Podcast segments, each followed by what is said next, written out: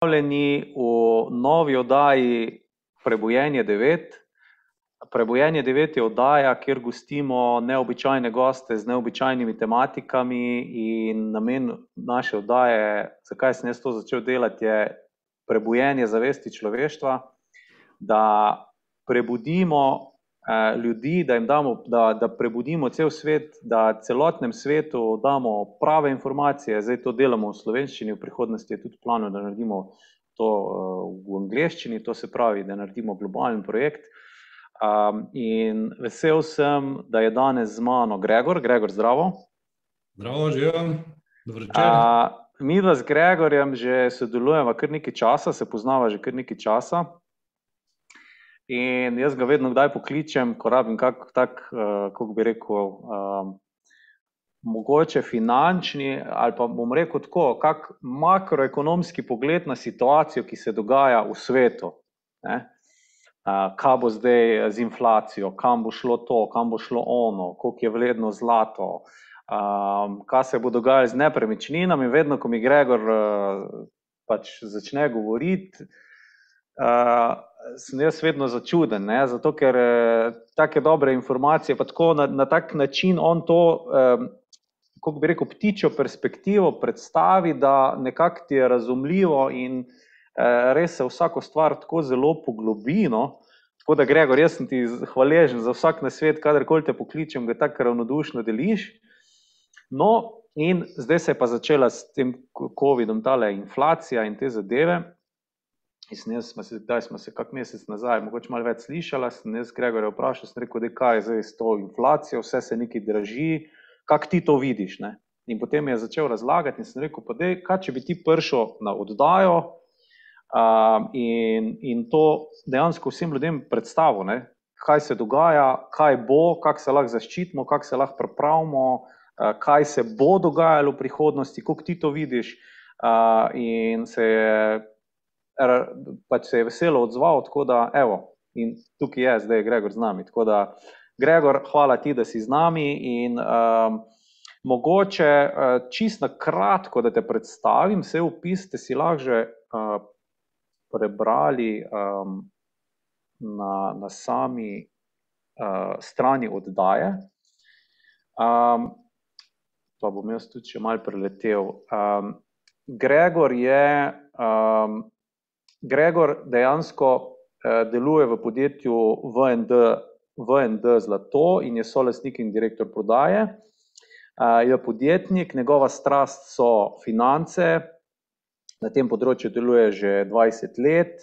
Eh, nabral si je veliko izkušenj in znanja na različnih kapitalskih trgih in čuti, da je njegovo poslanstvo, da ljudem nekako pomaga, da zaščitijo svoje prihranke in da jih konec koncev tudi uh, nekako oplemenitijo. Ne? Zato, ker uh, uh, eni pravijo, da inflacija kot taka je v bistvu uh, legalna kraja ne? ali pa uh, legalen davek, ki ga vsi plačujemo. Ne? Zdaj, kaj se bo dogajalo, bo inflacija večja. Ali se bo kaj umirilo, ali bo jim hiperinflacija, bomo v bistvu zdaj le zvedeli. Tako da, evo, Gregor, jaz sem zdaj dosti povedal, zdaj pa te predajam besedo, da nas v bistvu uh, razsvetliš. No? Še mogoče na tem področju, ki ni tako, bomo rekli, duhovno, ali pa, pa je mogoče tako zelo prizemljeno, ampak se mi zdi, da tudi to rabimo. No? In dobre informacije vedno prav pridejo, sploh pa informacije, ki so, um, kako bi rekel, dobre za vse. Janec, hvala lepa, še posebej za takle lep uvod in za predstavitev. Kot si že sam povedal, sem se z veseljem odzval temu tvojemu vabilu in za tebe oziroma za tvoje oziroma vaše gledalce sem pripravil eno kratko prezentacijo na temo inflacije no, in oziroma tega, kaj se dogaja trenutno po vsem svetu in kako lahko to vpliva na premoženje posameznika, in pa, seveda, kaj bi lahko uh, posameznik naredil, da se zaščiti, oziroma da nekako čim bolje pride skozi to. Um, Gregor, uh, sem še to bi, bi povedal. No? Uh, če bom jaz imel kakšno vprašanje, te bom kar vprašal. Če bo, imate pa vi kakšno vprašanje, uh, pa kar zapišite v komentar. Predvsem gledam tukaj komentarje na YouTubu, ker smo uživo in na Facebooku, in na YouTubu. Predvsem gledam na YouTubu, tako da če zapišite, zapišite na YouTube, pa bomo na koncu enih par vprašanj bomo, bomo, bomo odgovorili. No? Odlično. Če boš imel mes, pa me kar prekini, bo kaj sproti pokomentirala. Zdaj bi pa jaz kar tole prezentacijo delil z vami. Upam, da se zdaj tole vidi. Um, vse, vse, vse, vidi, vidi, vidi, vidi, evo ga, vidim, jaz vidim. Odlično. Na YouTubu je vidno. Uh, videl sem, da je, bila, da je bil naslov uh, te oddaje, oziroma da je naslov te oddaje Hiperinflacija bo spremenila vse. Uh, to je namreč nedavno uh, tweetnil Jack Dorsey, ustanovitelj Twitterja. Uh, dodal je še: It's happening, torej se dogaja. Uh, tale tweet je bil precej odmeven in kaže na to, da m, se vse več ljudi počasi zaveda, Eh, da se z inflacijo nekaj dogaja in eh, da ni tako nedolžno vse skupaj. No, pa si mi pogledajmo, eh, kaj je to inflacija, da bomo lažje razumeli in se lažje pogovarjali v nadaljevanju. Prebral sem na, danes na internetni strani Evropske centralne banke, kaj so napisali, da je to inflacija. In sicer piše, da do inflacije pride, če se cene vseh izdelkov in storitev na splošno zvišajo, se pravi, ne le cene posameznih artiklov, ampak na splošno.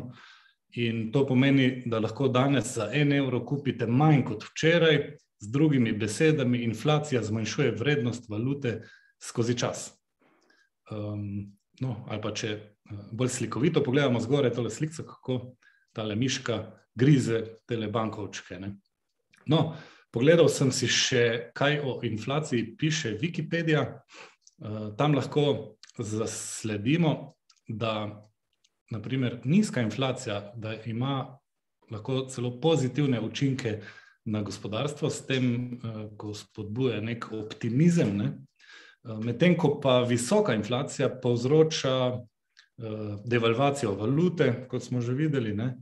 Eh, potem umik vlagateljev iz različnih trgov vrednostnih papirjev, eh, potem obubožanje prebivalstva, pomankanje zalog, se pravi prazne police v trgovinah, in pa najdemo lahko tudi v Wikipediji, da piše, da, visoka, da je visoka inflacija praviloma posledica prevelike količine denarja v obtoku. No, in uh, če pa pogledamo, kaj o inflaciji pravi klasična ekonomska šola, avstrijska ekonomska šola, ne? tam pa je definicija pravzaprav ne dvig cene produktov in storitev, ampak povečanje količine denarja v obtoku. Tako da tudi inflacija v bistvu pride iz latinske besede inflare, ki pomeni upihovati, ne? se pravi, gre za upihovanje denarja v uh, denarni sistem za tako imenovano tiskanje denarja, v narekovajih, seveda tiskanje. Ne? Uh, se pravi, večanje količine denarja v toku, ki pa ima za posledico potem dvig cen uh, produktov in storitev. Kar je seveda povsem logično, ne? če je vedno več denarja, ki, uh, ki, ki preganja, bi rekel, lovi Eh, neko omejeno količino produktov in storitev, potem je logično, da, bo, da bojo cene rasle. Um, no, uh, Jack Dorsey je pravzaprav omenil ne inflacijo, ampak hiperinflacijo. Morda še, uh, da si še pogledamo razliko med inflacijo in pa hiperinflacijo. Zdaj, inflacijo že vemo, kaj je. No, hiperinflacija je pa ena vrsta inflacije in sicer takšna, pri kateri gre za izjemno uh, rast cen uh, produktov in storitev, ali pa izjemno povečanje količine denarja v obtoku. Zdaj, uh, ni povsem enotnega kriterija, kdaj inflacija rečemo hiperinflacija, ampak nekako najbolj razširjena med ekonomisti in med strokovnjaki je tista, ki pravi, da, je, eh, da govorimo o hiperinflaciji, ko je mesečna inflacija 50% ali več. Se pravi, da se v enem mesecu, eh, bi rekel, življenjske potrebščine podražijo vsaj za 50%. To je že kar uh, veliko. Ne? No, in takrat v takih primerih potem pride upoštev takale prispodoba, ja, ki pa ni tako uh, samo prispodoba, ampak v času hiperinflacije, ki pa jih je bilo po svetu kar veliko, bomo jih nekaj si jih bomo potem pogledali. Uh, so bili to čisto realni primeri, ne, ko so denar vozili z samokolnicami, in v določenem trenutku se je izkazalo celo, da je samokolnica več vredna kot pa denar, ki je bil v njej. Ne. No, um, 50% mesečne inflacije, pa malo za predstavo, pomeni, da se 130 evrov ali pa kakšna druga uh, valuta, tudi ne, ampak mi smo zdaj navajeni najbolj na evre, da se 130 evrov v enem letu v bistvu uh, skupni ne, na, na en sam evro. To pomeni, da če imamo danes 130 evrov, uh, in smo pri mesečni hiperinflaciji, se pravi 50-odstotni mesečni inflaciji, potem bomo s temi 130 evri čez eno leto lahko kupili samo toliko, kot danes z enim evrom. Uh, toliko je uh, denar zgubil kupne moči v enem letu, že pri 50% mesečne inflacije. Oziroma drugače, ne? cene so se za 130 krat v enem letu povečale. Ne za 130 odstotkov, ampak za 130 krat. No, pa poglejmo najbolj znana, uh, znan primer hiperinflacije. To je bila uh, Nemčija po prvi svetovni vojni in sicer v letih uh, 1922 in 1923. Uh, od avgusta leta 2022 pa do novembra leta 2023 je bila. Gregor, popre... sam, to bi še mogoče te vprašal vmes. Ne? Se mi zdi, da mi zdaj, vsaj jaz, no, ali pa mogoče večina ljudi misli, da se to se ne more zgoditi. Ne? To ja. pač dan, dan se, pa, se ne more zgoditi, ne? niti lakota, niti taka hiperinflacija, da bi bila, se niti ne more zgoditi. Ne? Ampak, če pogledamo, to se je dogajalo, tako kot zdaj, pač Nemčija, pa mogoče 30 let nazaj. Pa tudi, kot vem, ne vem, zdaj, ne, par let nazaj, 2015, 2017, se je v nekaterih takih, mogoče tretjih državah tudi to v bistvu dogajalo. Vse dogaja, mogoče trenutno. Ne vem, da v Libanonu je, je, je bila ne vem, nekaj časa nazaj zelo velika inflacija. Ne. Ja, uh, imaš prav, uh, Najc. Uh, velika večina ljudi uh, se z inflacijo sploh ne obremenjuje, in uh, pravzaprav sploh ne razmišlja o tem, ne, kaj šele o tem, da bi razmišljali, da je možna hiperinflacija. Eh, razlog za to je eh, predvsem v tem, da recimo tukaj v naših prostorih ne, eh, hujše inflacije ni bilo že 25 let. Mm, v Ameriki, naprimer, ne, ki je tudi pomemben del svetovnega gospodarstva, je ni bilo že več kot 40 let, večje, više stopnje inflacije, več kot par procentov na leto, recimo. Um, in uh, seveda smo se nekako navadili živeti v takih razmerah, ko, ko je inflacija tako nizka, da je sploh ne opazimo, čeprav to ni tako malo, ne? že 2% inflacije. Uh, Na leto nam, recimo, v 20 letih uh, poje, da tako rečem, več kot 60% vrednosti denarja, ne? če na drugi strani nimamo no, nobenih obresti, naprimer za ta denar. In, uh, tako da to ni tako uh, nedolžna stvar, tudi 2 ali pa 3%, ne, ampak, uh, kot sem rekel, uh, ljudje to ne opazimo in uh, tudi nas pa nihče posebej na to ne opozarja, namreč državam, vladam in tako naprej, ni v interesu, da bi se ljudje zavedali inflacije, ker, uh, kot si ti prej rekel, nekateri to imenujejo uh, velika kraja. Ne? Uh, ali pa po drugi strani, bolj milo rečeno, je pa to prikrit davek. Namreč to je davek, ki ga ki, ki obdavčuje, se pravi, varčevalce, tiste, ki imajo denar, ne, s tem, ko denar tiskajo, vlade in pa tiste elite, ki imajo dostop do tega tiskanega denarja, se pravi, pridobivajo na račun tistih, ki vrčujejo denar doma ali pa na bankah. Ne.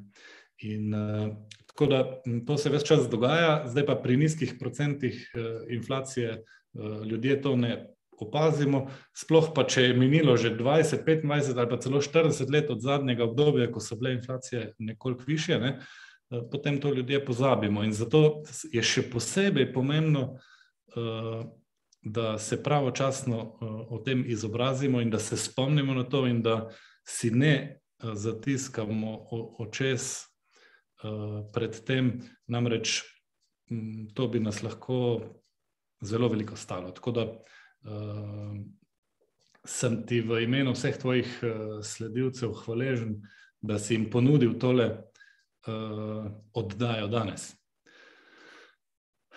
Ja, v Nemčiji ne, leta 2023 je bilo 322% mesečne inflacije, ampak to je v povprečju, ne, v najhujšem mesecu, to je bil mesec oktober 1923, tik pred v bistvu, koncem tega obdobja, ne, eh, je bilo inflacije celo 41%, ne na mesec, ampak na dan. To, je, to si sploh ne znamo zdaj predstavljati, kaj to pomeni. Uh, ampak recimo, to so realne slike iz tistega obdobja, ne, denar so takrat raje tehtali kot pašteli, ne, uh, ni bilo smiselno ga, ga šteti. Ne, otroci so se igrali z zmaji, ki so jih naredili z bankovcev, ne, ker je pač denar ni bil nič vreden, bil pa je uporaben tudi za kaj drugega. Ne, ne samo za zmaje, videl sem slike tudi, ko so lepili stene, se pravi, so bankovce uporabljali na mesto tapet, ali pa ženske so si delale obleke iz denarja, uh, dobesedno.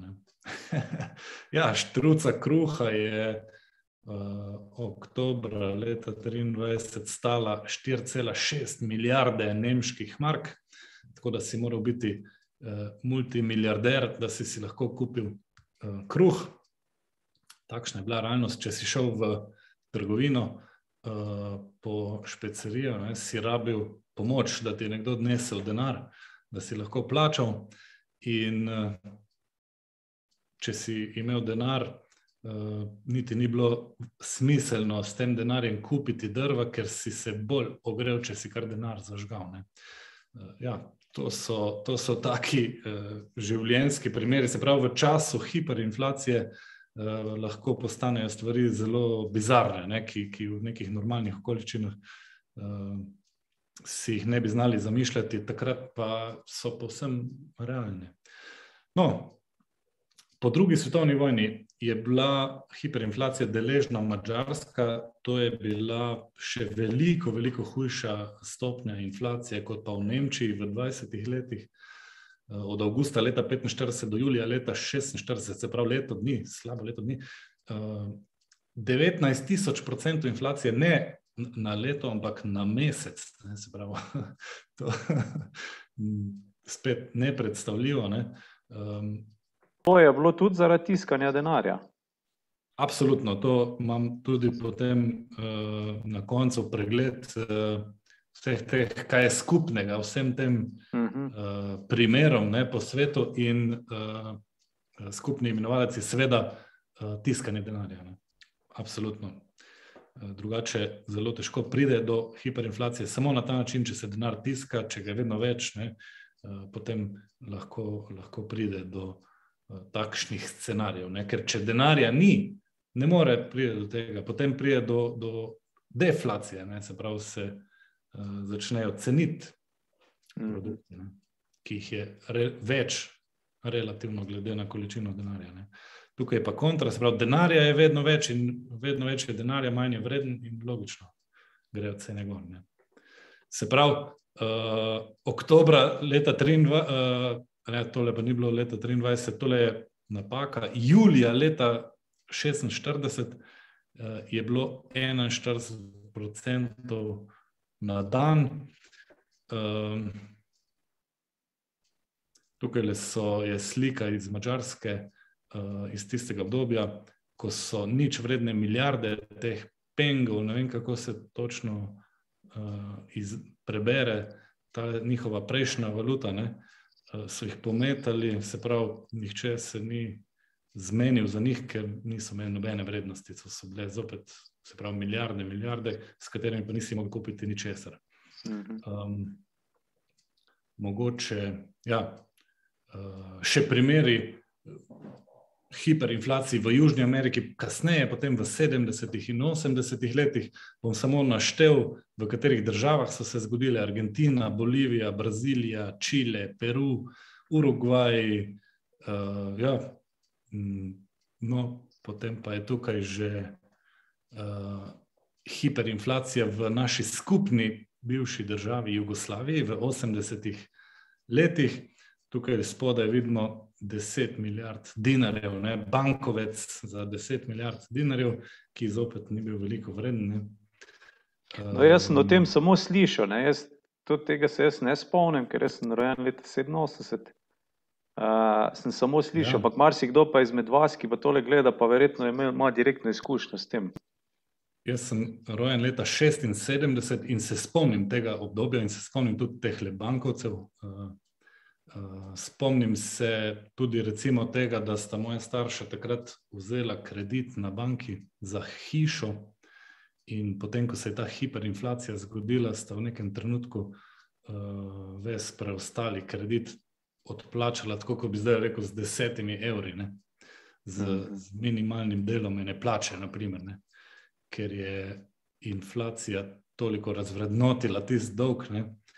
Uh, spomnim se tudi, da m, dinari so iz dneva v dan izgubljali na vrednosti in da smo se zaščitili, tudi sam, jaz sem že takrat rad vrčeval, um, kar sem dobil od uh, staršev, babic, tet, stricev in tako naprej, uh, sem vse pridno takoj menjaval v marke, nemške marke. Ne. Na ta način smo se takrat lahko uh, zaščitili pred razvrednotenjem denarja. Ne. Če bi tisti, ki so vrčevali dinarje, pač so vrčevali brez veze, kako se reče, brez efekta. Ne. Mhm. Iz istega razloga, uh, kot so imele kamikaze, čelade na glavah. Mal heca. Uh, ja, no, uh, še hujša inflacija, no, oziroma bom se vrnil še nazaj, morda se bo spet uh, kdo spomnil. Konec 80-ih let je potem uh, takratni premijer Ante Markovič. Uh, uh, Naredil ene reforme ne, in uh, izdal tudi novo valuto, konvertibilni dinar. Ne, in takrat se je potem s, temi, uh, s to novo valuto, pa z novo politiko, monetarno, fiskalno uh, in tako naprej, se je inflacija zaustavila. No, ampak po razpadu Jugoslavije, pa so se potem v teh novih državicah, ki so nastale, se je inflacija zopet začela pojavljati. Tudi v Sloveniji, samo da v Sloveniji ne v tako hudi obliki. V tistih prvih petih letih smo imeli približno 600% inflacije, kar ni malo, seveda, daleč od tega, ne? ampak eh, zelo, zelo malo v primerjavi s tem, kar se je dogajalo naprimer, v, v, v preostali Jugoslaviji. Te, to je bilo takrat potem Srbija in Črnagora, pravzaprav. Ne? Eh, leta 1993 in 1994 se je to dogajalo, to je najhujši primer hiperinflacije v zgodovini. In uh, absolutni rekord je bil na koncu tega obdobja, januarja leta 1994, uh, eh, ko je bilo tisti mesec 313, ne procentov, ampak 313 milijonov procentov inflacije. Spodaj pa vidimo bankovec za 500 milijard dinarjev, uh, zopet nič vrednih. Um, teh uh, primerov inflacije je bilo še veliko, recimo v Aziji, nič nismo zdaj pogledali, v Koreji, v, v Rusiji, Tajskem in drugot. Uh, tako da to ni tako redek pojav. Je pa res, da uh, to, kar si ti že prej omenil, ne, vse te zgodbe imajo skupno to, se pravi, za vse te primere je značilno tiskanje denarja na eni strani in zadolževanje držav na drugi strani, kar je pa pravzaprav povezano. Uh, ali namreč države so se ali zadolževale zunaj, ne, v drugih valutah, v dolarjih, naprimer, ne, in so potem uh, za namene vračanja tega denarja ali pa celo samo plačevanja obresti, naprimer, uh, morale uh, tiskati denar, da, da so lahko odplačevali, ampak to tiskanje denarja je potem privedlo do, uh, do hiperinflacije in do hudih težav. Um, in uh, ja, posledica vseh teh primerov je, da so ljudje čez noč, praktično ni, ne čez noč, ne, ampak videli ste, da so to obdobja. Uh, enega leta, dni, recimo, ali pa nek slabega leta, dni, dobrega leta, dni, uh, ko, ko se ta inf, hiperinflacija zgodi, in takrat. Uh, uh, ampak ja, sej, veste, ni treba, da se zgodi 300 milijonov procentov, ne, da bi izgubili prihranke, že če se. Zgodi 90-odstotno razvrednotenje, smo praktično ostali brez 90-odstotnih prihrankov. Um, tako da Ja, lahko bi tudi rekli, da so ljudje čez noč ostali brez prihrankov. Še posebej bi mogoče tukaj povdaril to, da um, kdor je čakal na to hiperinflacijo, ne, je bil že prepozen, ker predtem je vedno obdobje neke povišene stopne inflacije, ki lahko traja sicer več let, ne, ampak uh, če je vsako leto 10, 15, 20 odstotkov inflacije, je to že ogromno. Ne, in če takrat uh, nič ne odreagiramo in če čakamo na hiperinflacijo, potem je seveda prepozno, da bi rešili naše prihranke. Um, ponavadi je uh, vse to dogajanje spremljalo tudi pomankanje dobrin in uh, prazne police v trgovinah. Um, v vsakem primeru pa se je potem ta agonija nekako zaključila in vedno z nekimi hudimi reformami in pa uvedbo nove valute.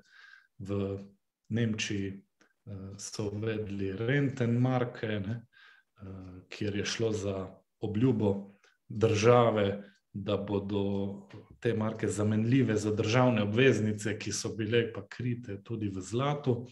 Na mačarskem so uvedli furinte, takrat potem ne, v uh, Jugoslaviji, sem že povedal, ne, konvertibilni dinar, uh, tudi v uh, potem Novi Jugoslaviji. Ne, Eh, Srbi in Črni Gori so uvedli novo valuto. Eh, in vedno gre za to, da morajo uvedbo nove valute spremljati tudi neke druge reforme, in, ki, ki nekako prepričajo ljudi, da se ta nova valuta ne bo več tiskala v, do, do, v nedogled in da nova valuta ne bo zgubljala na vrednosti. In uh, se pravi, vedno pride do neke. Do neke uh, ponastavitve monetarne, ne samo monetarnega, tudi sicer uh, družbenega sistema. Ne.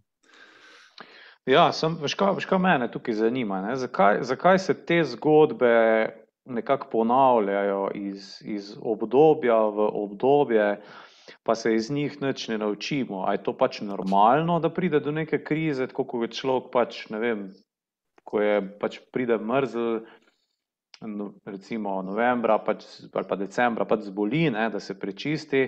Ali so te krize nekaj normalnega, ali so te krize pač nekaj um, umetno ustvarjenega, ali je to pač sam posledica nekega pohlepa ali, kako bi rekel, neke nerazsodnosti. Ker mi je zelo zanimivo, kako se v bistvu to kar nekako skozi nekako ponavlja. Ne. Ja. Ehm, zelo dobro vprašanje. Jaz bi rekel, da to ni tako kot pozeba, ne, pa vpliva na pridelek, da pride neka višja sila, ne, če tako rečemo, ampak eh, je v velikem eh, številu primerov iz zgodovine eh, šlo za verjetno uh, skupek nekih okoliščin, med katere bi uvrstil tudi neumnost človeško, ne?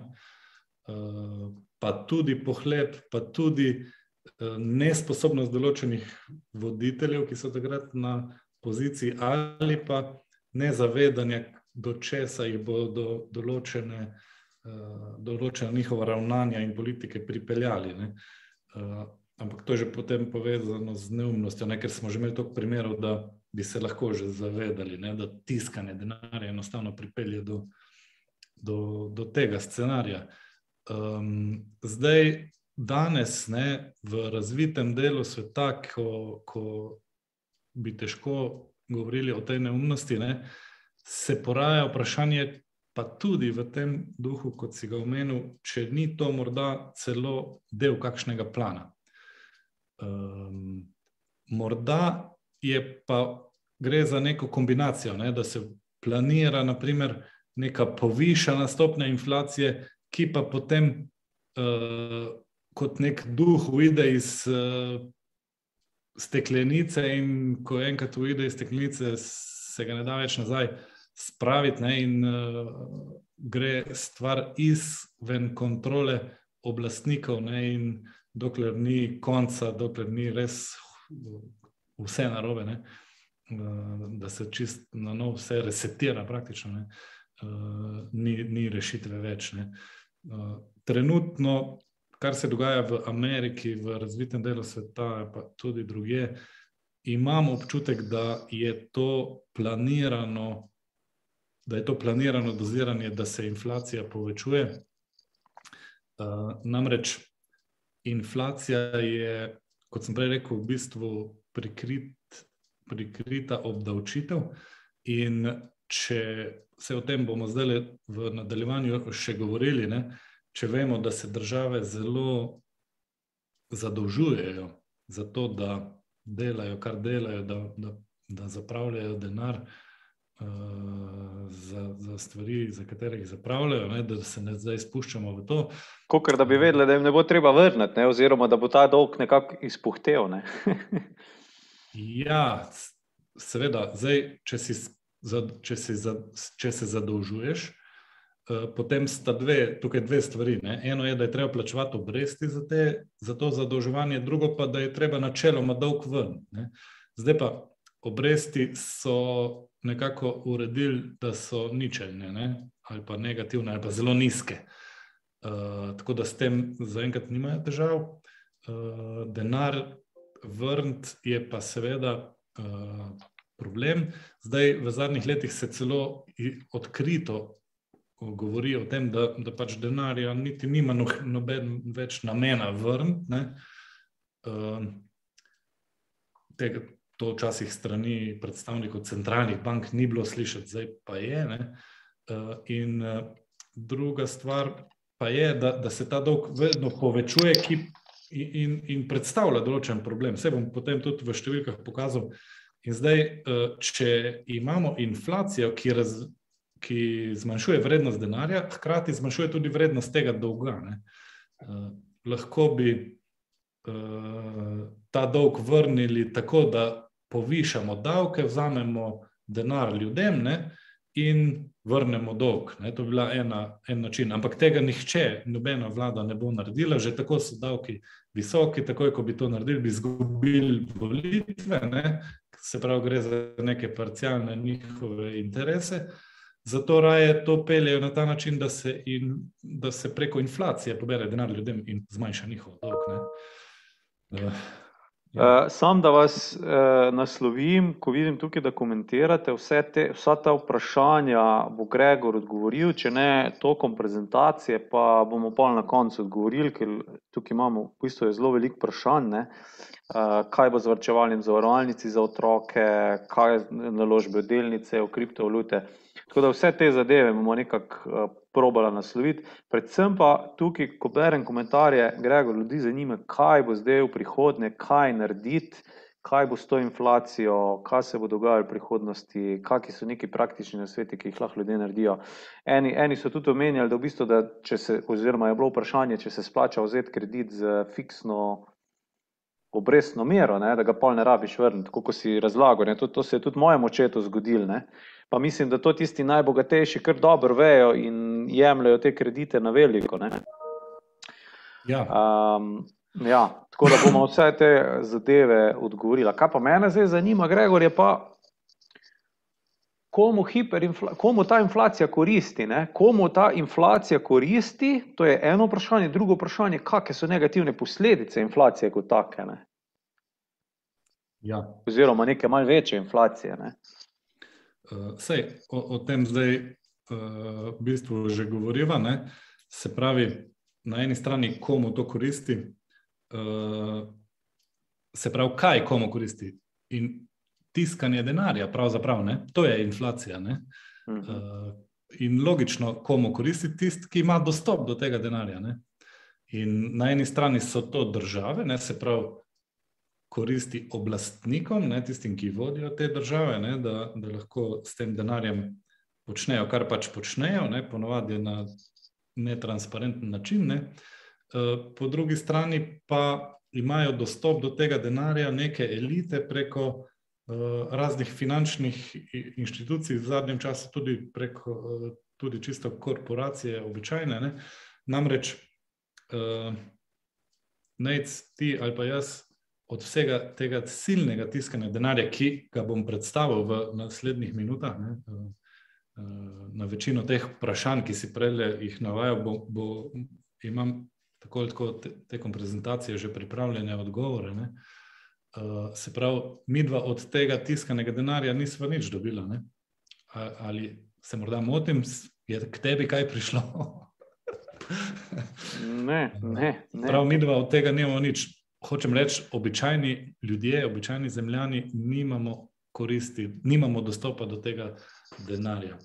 Um, vsaj neposredno ne. Res pa je, da je tukaj ena izjema, zdaj od korone naprej. Ne?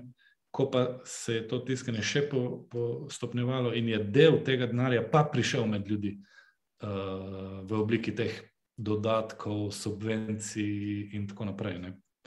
No, ampak velika večina pa ne pride do ljudi, tako da uh, uh, korist od tega tiskanja in posledično od inflacije imajo, ima nek ozek krok ljudi, ki pravzaprav uh, ima vse niti v svojih rokah.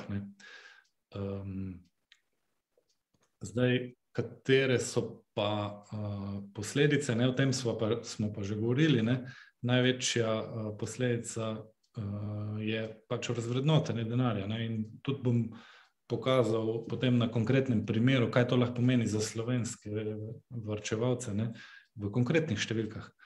Eh, pri določenem primeru inflacije, ne, ki pa sploh ne bo hiperinflacija, ampak samo povišana stopnja inflacije, pa bodo rezultati že dramatični. Ne.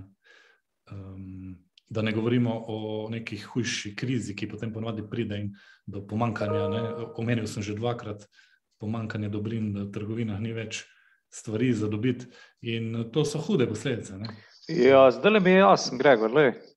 Recimo, da imam jaz nekaj denarja na banki ne? in, in ta moj denar dejansko zgublja vrednost. Ne? Dejansko meni premoženje kupni. To je tako, kot bi imel eno hišo in zdaj bi vsak dan en pršel mimo te hiše, pa bi meni zidako vzel. Ne? In najprej bi imel, bi imel samo tri četrt hiše, pa bi imel samo polovico hiše, pa bi imel še pa samo četrt hiše. Ne? Pa bi mi streho. Do, do inflacijske spirale, ne, je pa tako, da, uh, ta, da bi vsak dan ne prišel samo en, ampak bi jih prihajali vedno več, pa bi vsaken uh, zidak vzel in bi kar nekaj dostal čist brez hiše. Ne. To je neverjetno, ne? ker na drugi strani je pa nekdo, ki ima niti v svojih rokah, ki tiska denar. In v bistvu najema še kredite, zato da še si denar sposodi in ta denar pretvarja v stvarno vrednost. To se pravi, na eni strani, na eni strani jaz, to se pravi, imam jaz vedno manj hiše, na drugi strani ima pa nekdo nove in nove hiše. Ne? V bistvu je to, tako kot smo rekli, on, ampak ta človek ali pa ta oseba ne pride direktno, pa meni vzame zidak, ampak mi vzame preko nekega drugega skritega mehanizma. Tako da ti sploh ne, ne opaziš. Ne? Oh, Jezus. In uh, to je prav velik prenos premoženja od množice k elitam. Oh, moj bog. Zelo mi je pa to čist nekako. Ki se dogaja ta trenutek po svetu, in večina ljudi za to sploh ne ve. Ok, no super. Se veselim, da nam boš povedal, kaj lahko mi naredimo. Glede Prej si omenjal da se trenutno, ali pa da se je pred leti dogajalo, trenutni zmagovalci, ne, v narekovaju, seveda, po glede inflacije, so pa tukaj le Venezuela, ne, uh, Zimbabve, Sudan, Libanon, si ga omenil, Argentina, Južni Sudan, Iran in tako naprej. Tudi Turčija je potem kmalo na seznamu. Se pravi, tukaj govorimo o prvih dveh, treh primerih o hiperinflaciji, potem pa o zelo visokih stopnjah inflacije. Um, kaj pa v Sloveniji? Tudi to nas verjetno zanima. Ne? Tukaj je graf iz statističnega urada uh, Slovenije, danes uh, vzet za zadnjih 12 mesecev, to so letne stopnje inflacije. Ne? Vidimo, da uh, graf raste, ta le modra krivulja je, je prikazuje uh, letno stopnjo inflacije iz meseca v mesec, vsak mesec se preračuna. Ne? v mesecu novembru je inflacija na letni stopni zrasla na 4,6% na leto. Uh, že bistveno, bistveno več, kot smo bili navajeni, ne? bili smo navajeni 1-2%, mogoče nekaj čez 2%. Uh, vidite, tam le v začetku uh, leta smo imeli celo negativno inflacijo, torej deflacijo. Uh, tako da je zdaj ta podatek 4,6% že alarmanten, ne? ampak še vedno je to komaj par procentov. Eh, zakaj to govorim? Namreč vedno je, je obstaja nek razkorak med statističnimi podatki, ki se objavljajo po vsem svetu, in pa z nekim realnim stanjem. Vse eh, poznate tisto definicijo, mm, oziroma tisto reka, kako se reče, ne? Eh, da poznamo tri vrste laži. Ne? Laž, prekleto laž in pa statistiko. In uh, ja, uh, kruta resnica. Namreč uh, na tem mestu bi rad povedal uh, sledeče, še tega nisem uh, prej poudarjal. Namreč inflacija je pravzaprav zelo osebna stvar. Um, ti statistični uradi, ne, ki računajo te stopne inflacije, imajo neke um, modele, pre, po katerih izračunavajo neko povprečno inflacijo. Namreč uh, upoštevajo, naprimer, za koliko se je podražil liter mleka, za koliko se je podražila kila svinskega mesa, pa za koliko se je podražil kilogram paradajza. Uh, in, ampak, če ti nec, ne ješ mesa, ne, je tebi vseeno, za koliko se je meso podražilo. Ne. Ali pa če jaz ne jem, ne pijem mleka, mi je tudi vseeno, za koliko se je mleko podražilo. Ne? Tako da mi dva imamo vsak svojo inflacijo. Ne? Če se ti ne voziš z avtomobilom, ne, si nekje tako, da lahko z kolesom vse rešiš, ali pa z javnim pre, prevozom, ne, potem te tudi ta, gori, recimo, cena dizla ne zanima preveč mene, pa ki sem na malce bolj odročnem. Eh, na malo bolj odročni lokaciji, pa sem vsak dan mm, odvisen od avtomobila, ne, pa naredim 60 tisoč km na leto.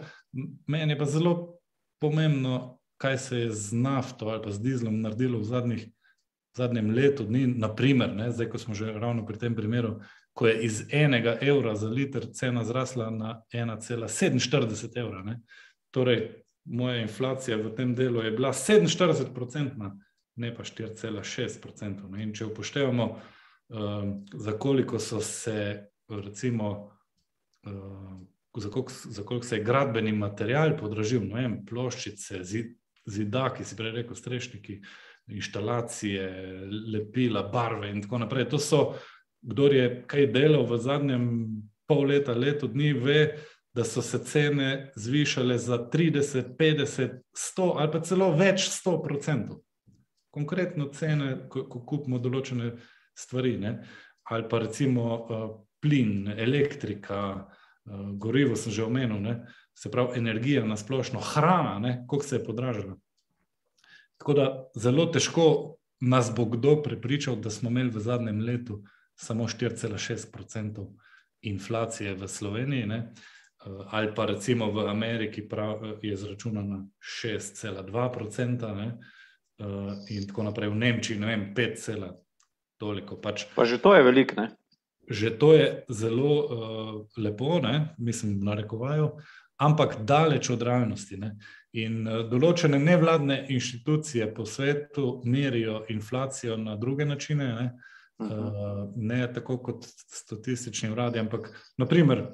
Ameriški statistični urad, oziroma njihova agencija, ki izračunava ta CPI, ne, ta uh, indeks potrošniški, uh, je ne upošteva cene hrane, pa, pa ogrevanja, ne, goriva, se pravi, energije na splošno. Mislim, absurd, ampak tako je. Zakaj gre? Namreč na vse pretege se trudijo, da bi čim bolj olepšali te informacije, podatke o inflaciji, da se ljudje ne bi preveliko s tem ukvarjali, da tudi tisti, ki vejo, da gre za obdavčitev, ne, da mislijo, da je davek samo. 4,6%, ne pa 15%, kot je pa morda ranj. Um, ja.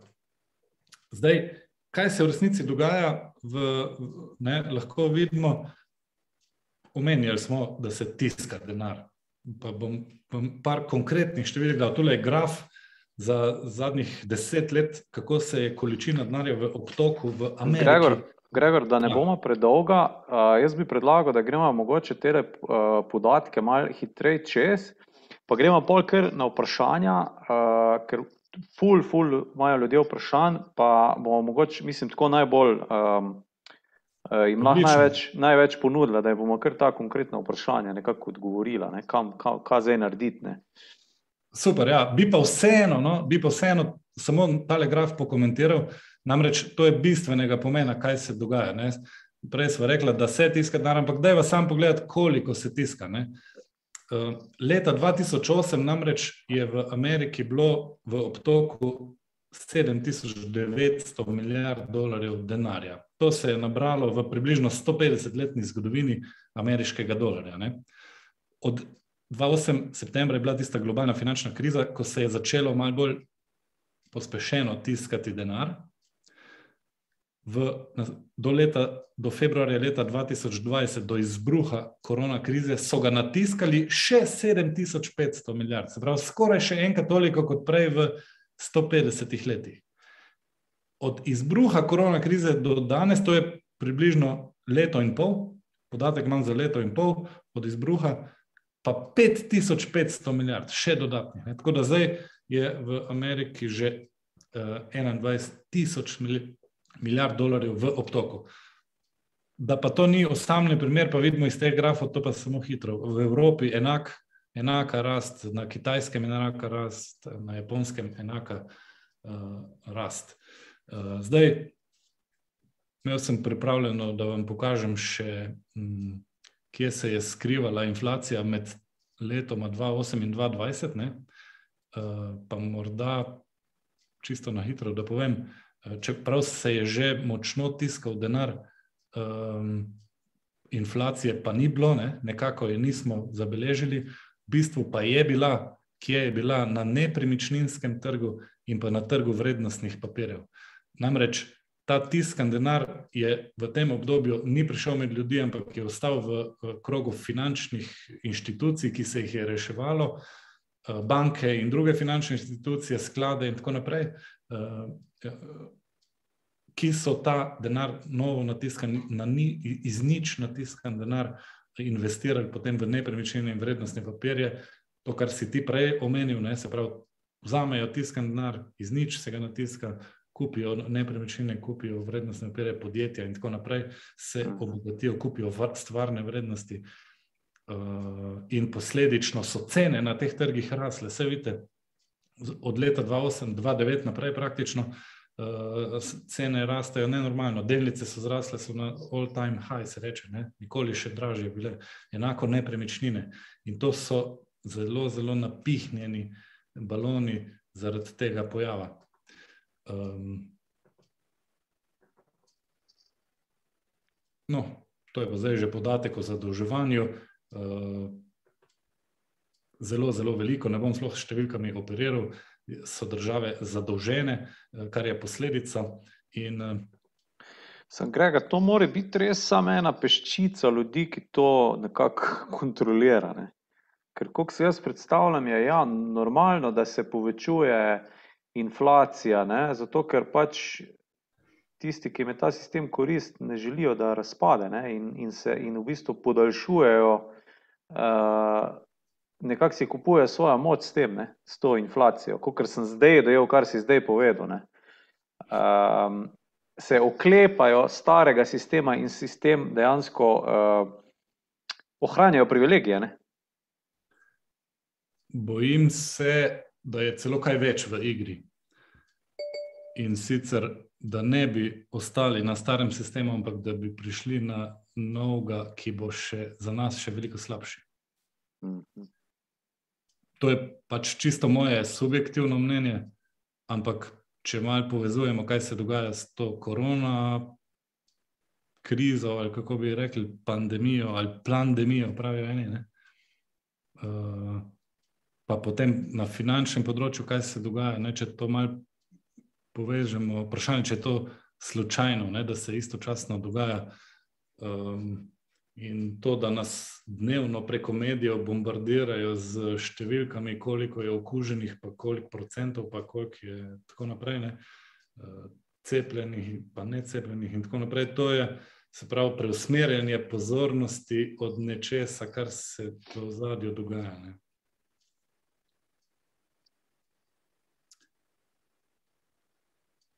Ja, ampak okay. Okay, to je zdaj že zelo subjektivno, moje osebno mnenje. Vprašanje je, se pravi, se poraja eh, pri, pri, posluš, pri gledalcih, eh, kako se bo to razpletlo. Ne? Ja, pa kaj lahko naredimo, naredimo, kaj lahko naredimo, ne? ker pač ljudje imajo prihranke, ljudje imajo eni pravijo, da jim svetujejo srebro, eni pravijo zlato, eni pravijo kriptovalute.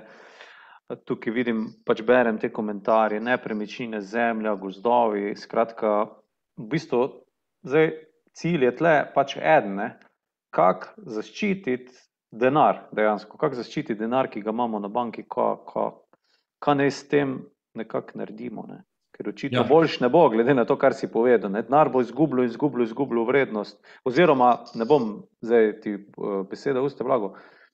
Pogoč sam poveš, no, kako vidiš, kaj se bo zgodilo, no, kam to pelje. No, jaz bi vseeno, zdaj, da ne bomo uh, totalno pesimistični, ne, bi vseeno uh, špekuliral, da, ima, da je več možnosti eh, za razplet te, tega, te situacije. Ne.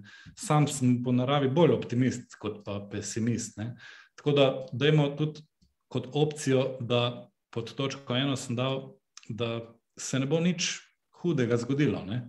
Se pravi, da bo uh, obveljala ta moderna monetarna teorija.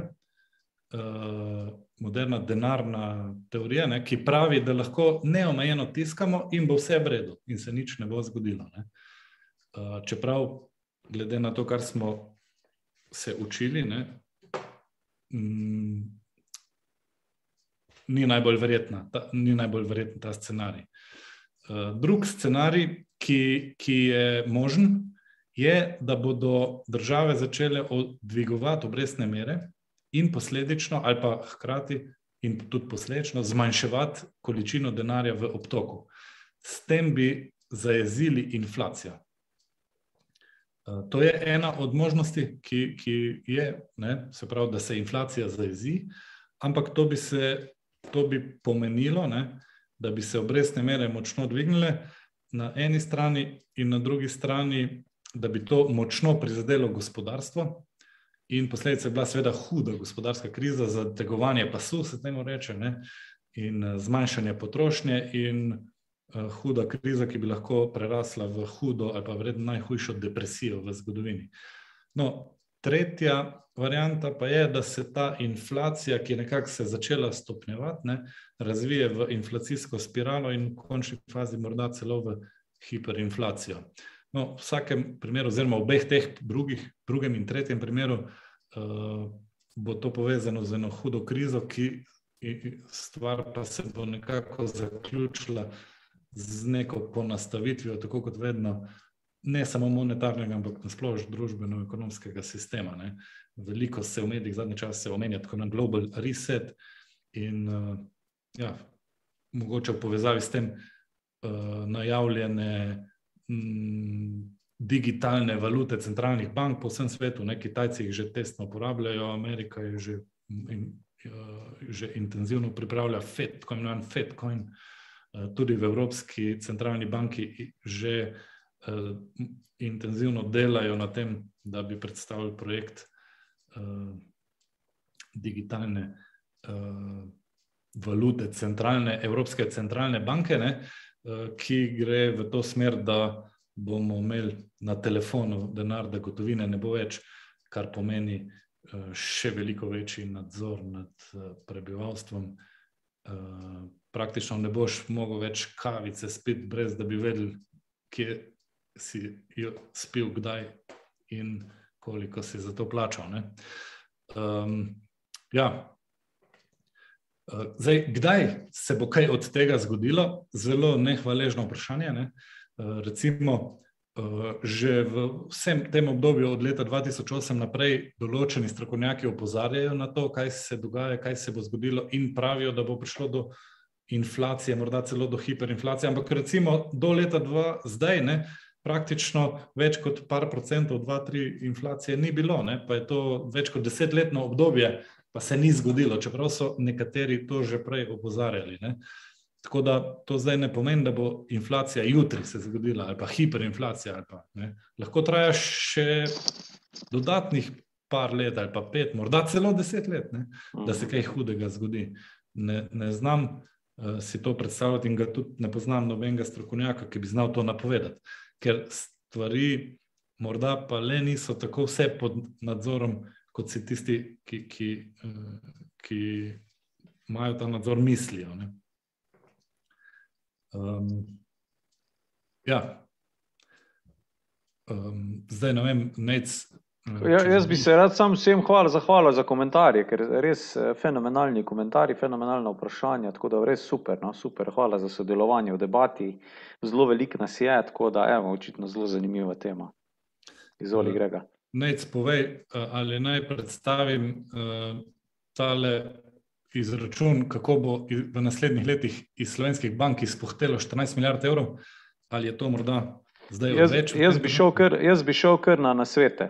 Jaz bi šel kar na nasvete, okay. uh, ker smo že eno uro, uh, okay. pa mogoče naslednje pol ure. Um, naslednje pol ure izkoristimo za, za to, da odgovorimo na vprašanja. Uh, to se pravi, kaj nas čaka v bližnji prihodnosti, aha, dokler se možne scenarije si pridel, kako, kaj lahko ljudje naredijo, kako se lahko na to, na to pripravijo. No? Ja. Bomo, v bistvu pa, da jaz čim več vprašanj probam tukaj.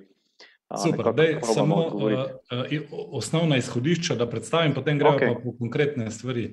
Okay. Se pravi, uh, kaj, kako se lahko zaščitimo, kaj lahko naredimo. Uh, Mi smo z, uh, ravno na to temo v teh dneh izdali eno e-knjigo, uh, ki se ji reče Štirje preprosti koraki do zaščite in oplemenitenja svojega težko zasluženega denarja. Uh, govorimo se prav, kako lahko svoje prihranke zaščitimo pred inflacijo, zakaj bo večina slovencev morala delati do smrti, kaj lahko storimo, da se temu izognemo. In uh, če bi kdo od vaših, od tvojih uh, sledilcev želel to knjigo, prebrati e-knjigo, se to ni obširna knjiga, približno 20 strani, jo lahko dobi, mu jo bomo poslali. Uh, bom jaz zdaj le kar link dal v, v komentar, ki jo lahko dobijo. Evo, sem že dal link. Pa brezplačno, tako da ne, ni problema. Um, no, ampak uh, tudi v tej knjigi, seveda, obširno in natančno govorimo o teh stvareh. Zdaj, kar je pa najbolj bistveno za razumevanje, uh, kaj je treba narediti, ne, uh, je pa to, da ločimo med denarnimi in stvarnimi vrednostmi. To je zelo pomembno. In zdaj med denarne vrednosti, sve spada denar, ne, kot osnova, eh, torej gotovina, bančni depoziti, ne, eh, potem vrčevalni računi na bankah, življensko zavarovanje. Prej si omenil, da je kdo spraševal. Ne, življensko zavarovanje, ko, ko vrčujemo preko zavarovalnice. Pa smo zraven življenjsko zavarovani, ne? Govorimo o denarnih vrednostih, obveznice so tudi denarne vrednosti. No, in na drugi strani imamo stvarne vrednosti, kot so naprimer nepremičnina, ne, zemljišče, objekti. Posebej sem to delil, te dve stvari, ne, uh, namenoma. zemljo, pa objekte. Ne. Potem imamo delnice, se pravi, to je, to, to je tu stvarno, to so, to, to so, da ne rečem, tovarne, ampak podjetja, ki nekaj ustvarjajo, ne, so realne stvari. In potem imamo, seveda, plemenite kovine, zlato in uh, srebro, z zlatom in srebrom na čelu. Uh, in zdaj, seveda, kako se lahko zaščitimo, ko govorimo o inflaciji, zelo enostavno. Uh, če denarne vrednosti na eni strani izgubljajo vrednost, stvarne vrednosti pa vemo, da ohranjajo vrednost, se pravi, nas ščitijo pred inflacijo. Uh, potem bi je za dodati samo še to, da so denarne vrednosti primerne zgolj za vsakodnevno uporabo, pa za ja, kratkoročno vrčevanje, seveda v takih razmerah kot zdaj, ko bo inflacija še višja, pa tudi za kratkoročno vrčevanje ne več. Ne?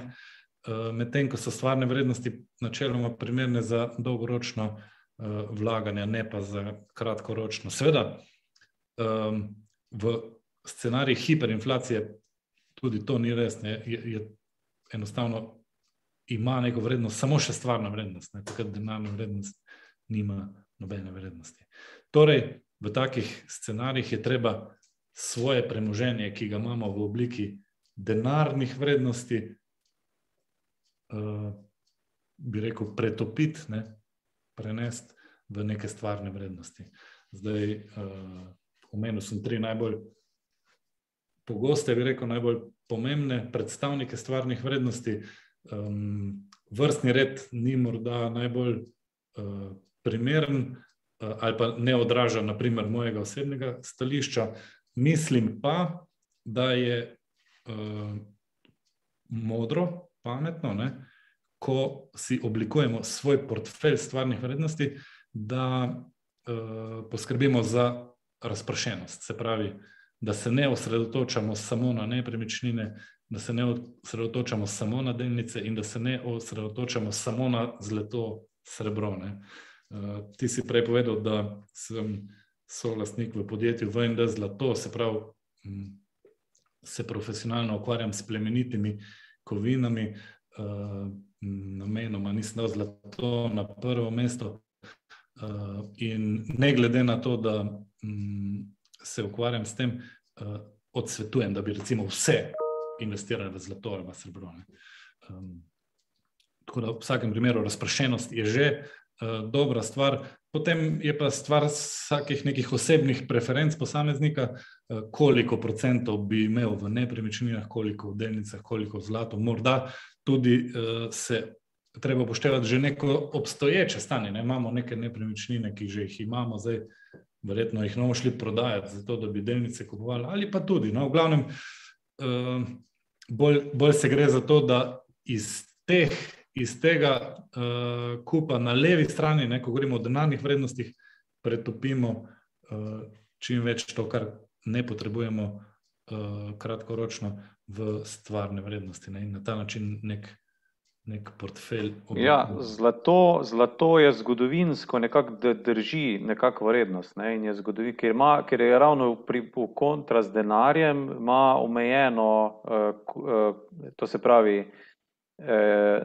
ne moreš ga neomejeno narediti, ne, zato ker je pač so te zaloge zlata omejene uh, in uh, ohranjajo vrednost, ne, če prav razumem. Ja, zdaj tako, zlato je kot si rekel, eh, pregovorno zelo varna naložba, ki nas ščiti pred inflacijo. Eh, zgodovinsko gledano, obstaja že 5000 let, to uporabljamo ljudje. Ne?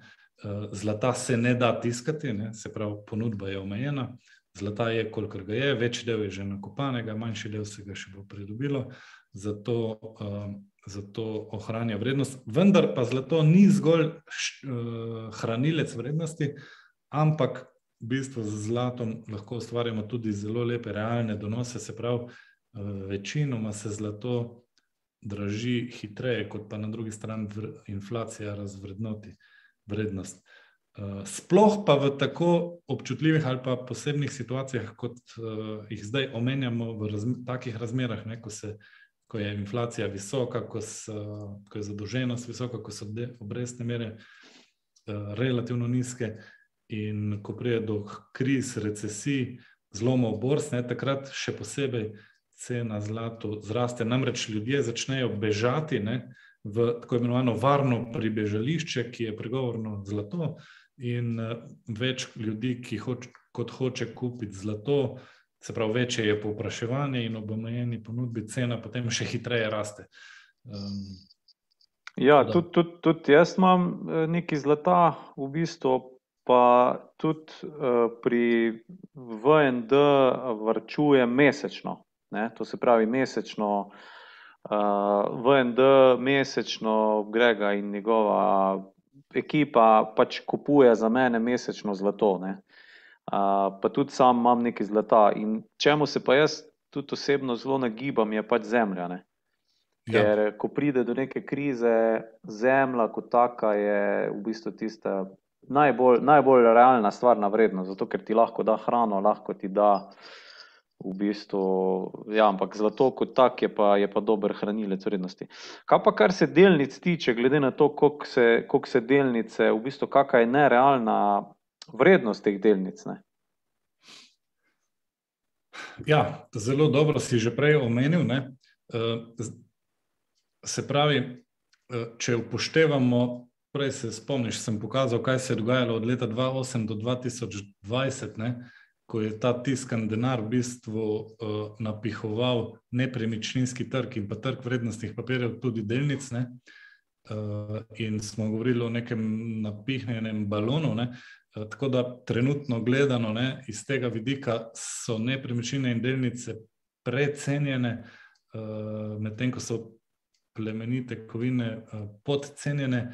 Bi pa tudi sam iz nepremičnin uh, se pravi, če bi se trenutno moral odločiti, če bi imel kaj denarja na banki, recimo, ne, ampak uh, to bi bilo zelo smešno, če bi ga imel veliko, ne, uh, glede na to, da se ukvarjam s temi stvarmi. No, ampak če bi ga imel, ga ne bi uh, pretirano vlagal v nepremičnine ali v delnice, tega, ker so to predcenjeni trgi, ampak bi preferiral plemenite kovine.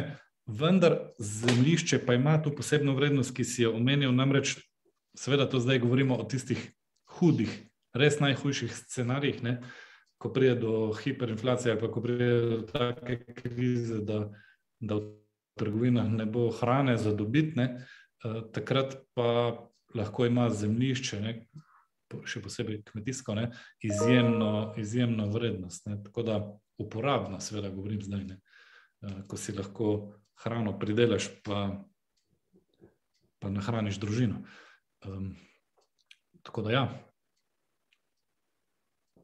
To uh, še to, Gregor, uh, kaj pa kriptovalute? Tudi tukaj je bilo nekaj vprašanj, kar se kriptovalut tiče. Ja, kriptovalut namenoma nisem omenjal, zato ker gre za relativno novo, nov naložbeni razred, ki ga malo ljudi dobro pozna. Uh, kar pa ne pomeni, da sem nasprotnik kriptovalut. Nasprotno, pravzaprav sem en fan. Že uh, več kot štiri leta se osebno uh, precej eh, ukvarjam tudi s tem trgom in ga relativno dobro poznam. Um, zdaj, Bitcoin je kot glavna, prva in še vedno glavna kriptovaluta, potem je uh, jih pa še veliko, ne? več kot deset tisoč, recimo. Um, zdaj, problematika kriptovalut je v nepoznavanju. Uh, ljudje se ne spoznajo na to, in uh, neznanje lahko hitro privede do hudih izgub. Uh, naprimer, že samo eno geslo, če ga zgubiš ali povabiš, ti, pozabiš, ti lahko pomeni, da vse tvoje premoženje, ki si ga imel v neki denarnici v obliki, naprimer Bitcoina, je nedostopno, je izgubljeno za vedno. Uh, in, ali pa napačen transakcija na napačen naslov je nepovratna in se ne da nikamor pisati, da sem se zmotil. Ne. Ja, je že kar malo tehnično, ne? ni zdaj tako, kupi zlato, ga imaš v ploščici in to je to. Ne? Kriptovaluta že malo moraš biti računalničar, ja, ni zdaj. Ja. ja, že moraš biti na pol računalničar. Ja. Pa, pa vsaj, kar je zelo dobro angliško znati. Uh, in uh, se izobraziti. No, ampak kljub temu, tudi če, če, če to potem obvladamo, ne, uh, se je treba zavedati, da so kriptovalute izjemno tvegana, uh, izjemno tvegana naložba.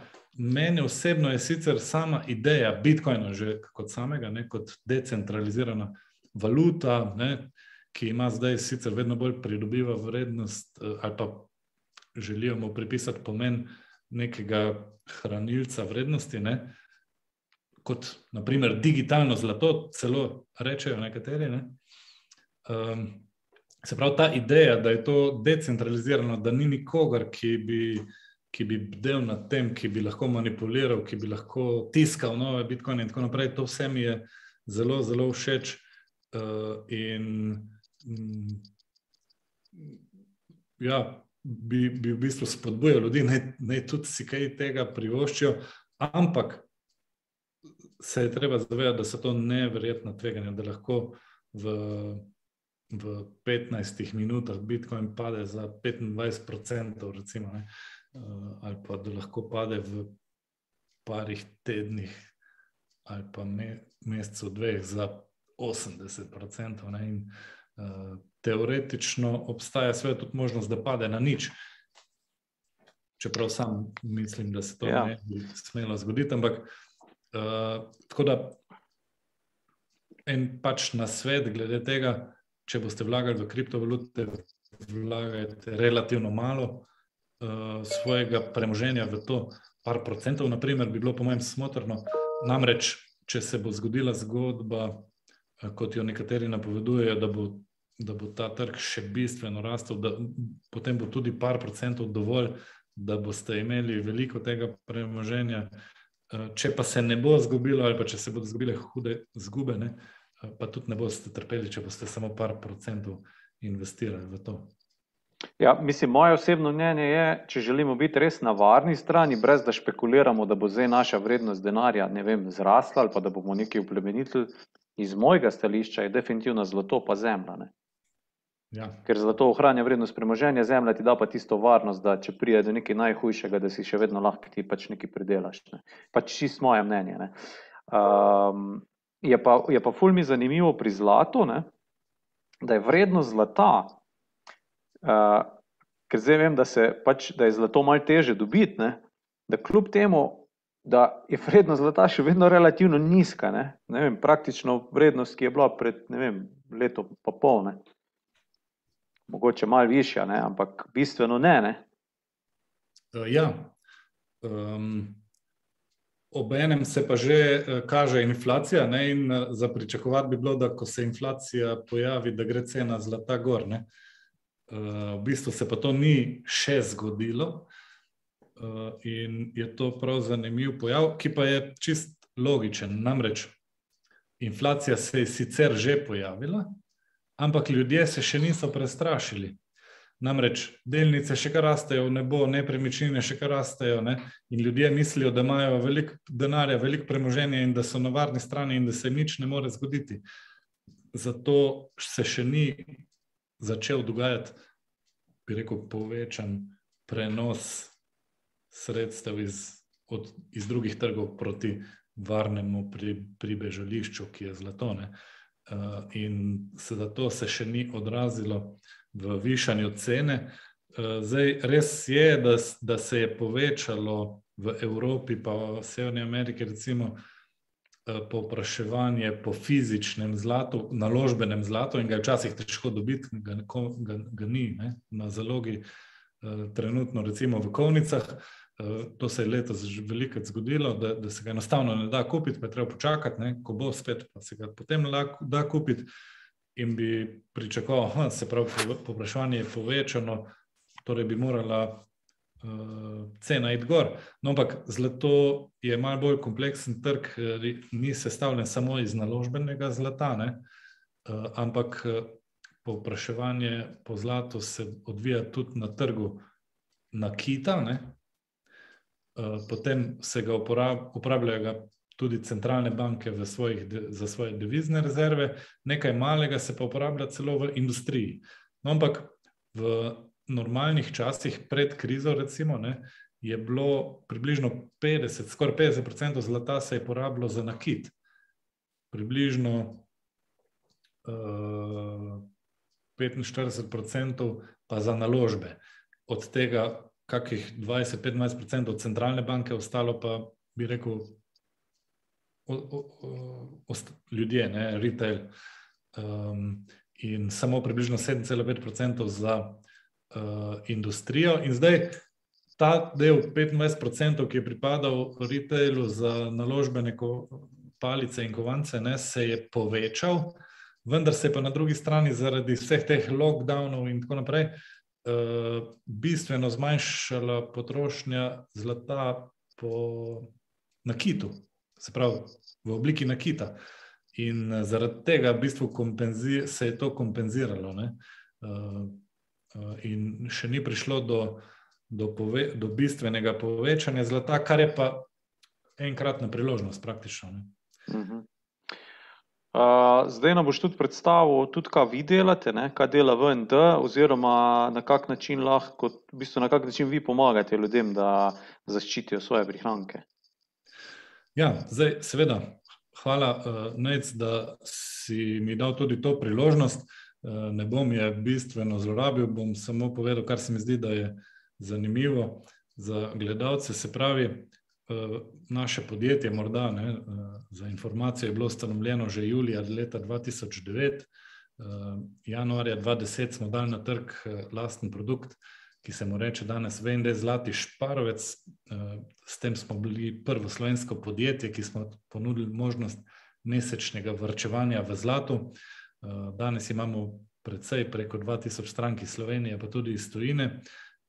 Imamo direktni dostop do kovnic in pa Eh, vrsto let odlične bonitetne ocene.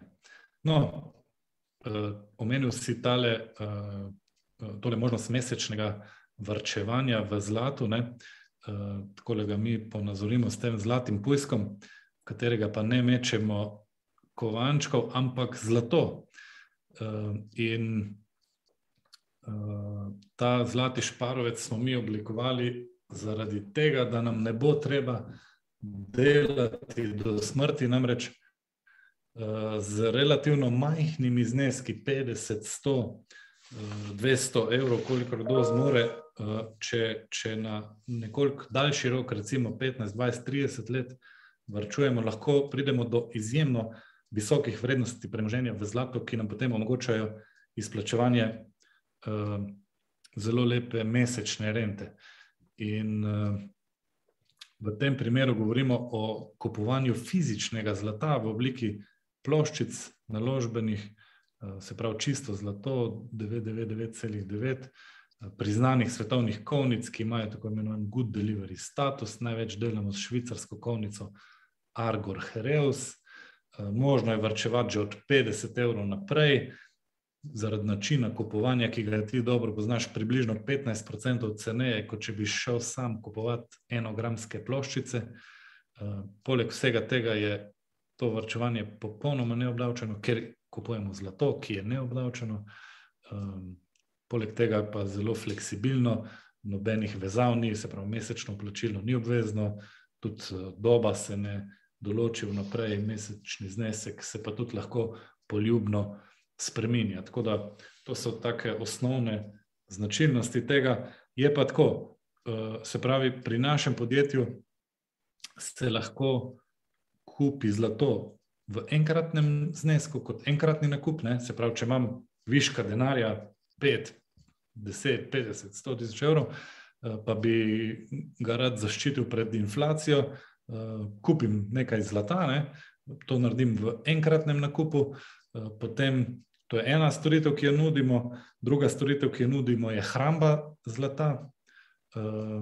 In tretja storitev je tole, kar sem zdaj na hitro predstavil, da, da sprotne mesečne dohodke, da en del od tega dohodka namenimo za svojo prihodnost, v, še posebej v času više, povišene inflacije, je to zelo pomembno, ker če dajemo na stran evre, ne, potem to zgubljamo, ne? če pa sproti vse menjavamo v zlato, pa uh, se nam bistveno bolje piše. Ne? Ja, jaz bi še to povedal. No, prvič, ko smo se mi v bistvu srečali, si ti to meni predstavil, to mesečno vrčevanje, pa na kak način vi delujete. Ne? In v bistvu vse je bilo tako zelo transparentno, zelo pošteno. Ne? In mi je bilo zelo všeč, ne? zato tudi uh, vrčujem pri vas mesečno uh, in to vsem povem. Uh, kar mi je pa v bistvu bilo zelo všeč, ne? da tudi če gre, recimo jaz, zdaj, recimo pri vas imam toliko in toliko gramov zlata že na vrčevanje s tem mesečnim vrčevanjem, in tudi če gre vaša firma recimo v stečaj, ne, to zlato ostane meni. Ne. In tukaj je meni v bistvu ful zaupanje zbuja ali pa ful tudi varnost. Ne. Da tudi če gre vse, gre, je, v bistvu ni to vključeno v stečajno maso, ne, kar pomeni, da je to pač tako, fair play. No. Ja, Absolutno, varnost nam je na prvem mestu. Uh, sicer... Ker pri drugih firmah ni tako. Uh... Pa tudi druge firme, kot vem, uh, fizično zlato, nimajo fizičnega zlata. Ne? Mislim, veš, je samo na papirju, ne? ni zlato fizično nekje, ko ga ti kupiš, je fizično tam. Ne? In če slučajno se kaj zgodi, te pokliče stečajni upravitelj, pa reče, da je tu imaš zlato, odnesi ga. Ne? V bistvu. Sicer bi, me, bi naj zdaj naša direktorica Andreja, ki jo poznaš, eh, kregala, ne, kaj govoriva o možnosti, da bo šlo naše podjetje v stečaj. Uh, ampak, seveda, malce za res, malce pa za hec. Uh, no, ampak, uh, seveda, teoretično je možno, da gre tudi naše podjetje v stečaj, ne glede na to, na kak način poslujemo, uh, zelo varno, brez tveganja in tako naprej. Imamo zelo visoke bonitetne ocene, se pravi, teoretično je vseeno možno, mi pa Eh, tudi hranimo zlato za naše stranke, in o tem zdaj govoriš. Ne, če, gre, če bi šlo naše podjetje v stečaj, to zlato ne more iti v stečajno maso, ker je last naših strank, ne pa našega podjetja. Eh, seveda, tisto zlato, ki je pa stranka že prevzela ne, in ga sama hrani, pa tako ali tako ne more biti noben predmet debate. Ne. Mhm. Ne, ker, kot si mi ti takrat razlagal, tudi druga podjetja v Evropi, ne, da ste vi eni izmed redkih v Evropi, ki imate dejansko fizično zlato, ki ga stranke kupijo. Ker marsikaj je to kar na papirju, in potem, ko stranka pride, da bi to zlato prevzela, in ga fizično kupiš in ga daš. Ne. Ja, uh, govorila smo o primerih, ki so se zgodili. Uh, namreč pri nas je tako, se pravi, mi zlato hranimo v sefih v Sloveniji, v Ljubljani. Se pravi, To nam je zelo pomembno tudi, da je na dosegu roke, da lahko kadarkoli vsak trenutek pridemo do njega, ne, ko ga želimo, oziroma ko ga stranka želi, da ni to v neki brezcarinski coni v Švici ali pa v Singapuru ali pa v Dubaju, ne, ampak da je tukaj. Uh, vseeno, da je stopnja varnosti teh sefov visoka in, ima, in to so najvišje stopnje varnosti, kar se v Sloveniji dobi. Kljub temu je vse zavarovano pri zavarovalnici. No, in kar je zelo pomembno, enkrat letno uh, Eh, približno vsako leto dni uh, se dela notarski popis sefov. Se pravi, prije notar pogleda, kaj bi po papirjih moralo biti ne, v teh sefih, kaj dejansko je in ali se to ujema. In mora se ujemati na gram natančno in to zapiše tudi v obliki notarskega zapisa. Tako da 100% tega, kar mi hranimo, je tam, je v fizični obliki. Uh, bili pa so primeri, ne, ko, so, ko bi moral biti, moralo biti zlato, pa se je izkazalo, da ga je bilo samo par procentov, ne? tako kot banke delajo, svete, tako je tudi papir na denar nastal. Ne? Uh, najprej je bil denar potrdilo o obstoju zlata, ne? Potem, ko so bankiri ugotovili, da nihče ne brije po to zlato, so začeli več teh potrdil izdajati. Ne? In tako je pokritost v zlatu padala, ne? in na koncu imamo zdaj sistem. Ko denar nima nobenega kritja več in, in ni, ni zlata. Uh, Pri nas pa govorimo o pač fizičnem zlatu v stotih procentih in nič drugega nas ne zanima. Ne? Ok. Uh, zdaj tako, jaz sem Gregor rekel, da če bi koga to zanimalo, da bi bilo fajn, če bi dal za, za, za to se pravi, za pač vas kot ne, ne, moje poslušalce, uh, da bi dal nek, nek, nek, nek poseben del oziroma nek, nek popust. No? tako da je pač obljubil, da, da bo dal pač nek popust, koga bi pač ta zadeva zanimala. Um, uh, to se pravi mesečno vrčevanje, ne? Grega, če prav razumem, ali kako kak ste se, si se pa odločil.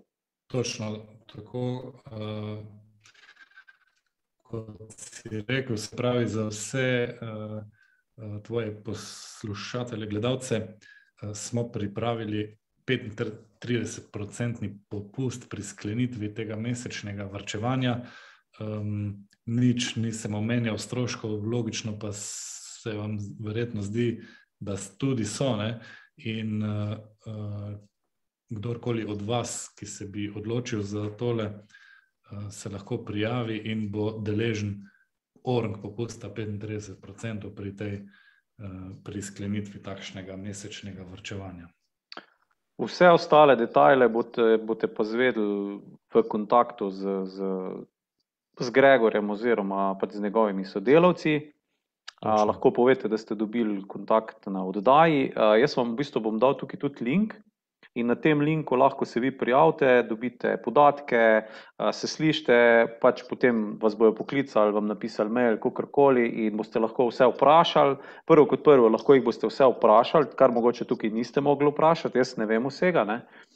Drugo kot drugo, uh, imate ta popust zagotovljen, kdo pač ima prihranke, želi kupiti nekaj zlata, želi skleniti mesečno vrčevanje, um, to ne, Um, in to je to. No. Pač, ampak obvezno, da je izpolniti tale link, zato da vas imamo nekako zabeležene, da se to nekam, nekam hrani. No.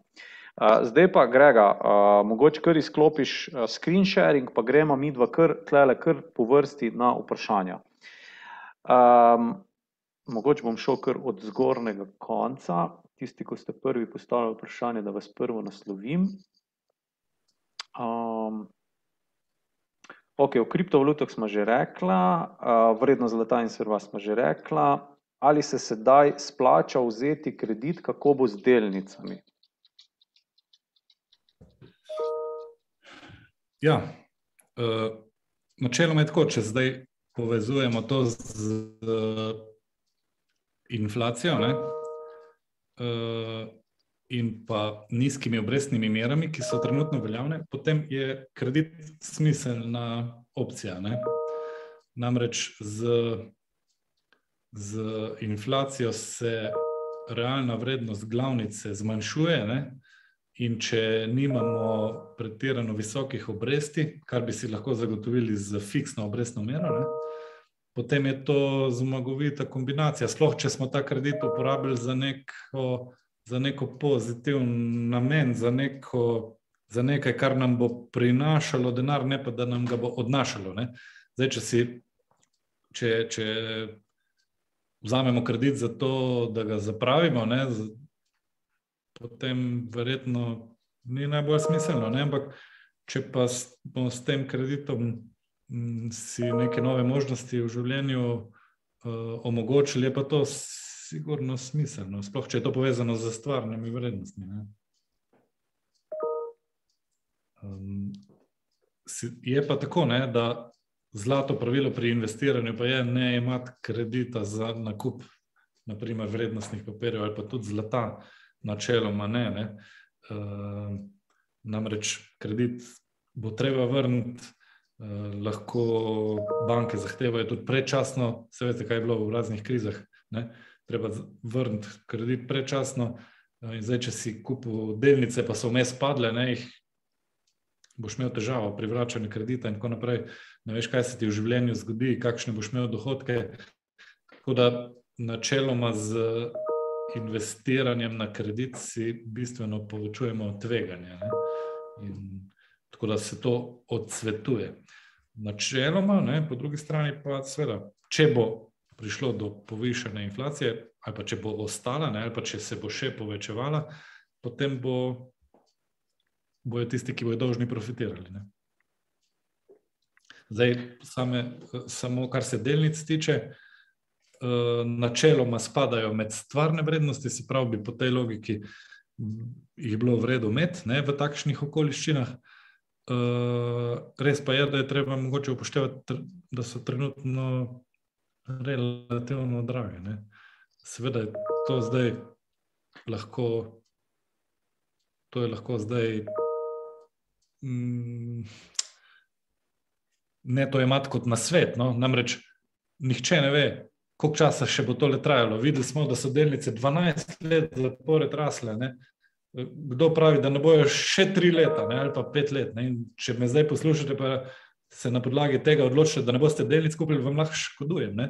Če pa bodo recimo še tri leta nenormalni donosi. Ne.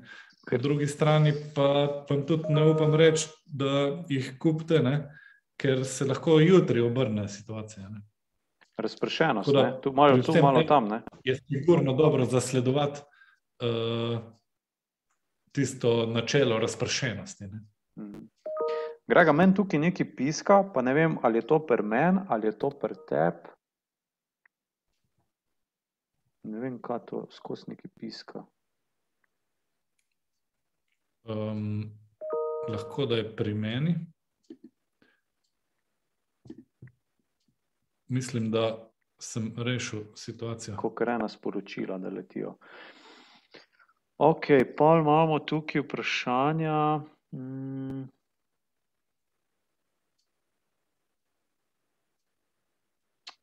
Torej, je pred hiperinflacijo smiselno najeti kredit s fiksno obrestno mero, to smo že nekako odgovorili. Ne?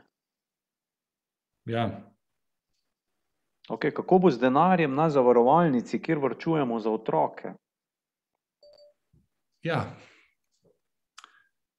Um, zdaj tako. Mislim, da je večina teh vrčevanj vezanih na življensko zavarovanje, klasično življensko zavarovanje to so denarne vrednosti. To je podobno, kot če bi vrčevali na banki. Ne.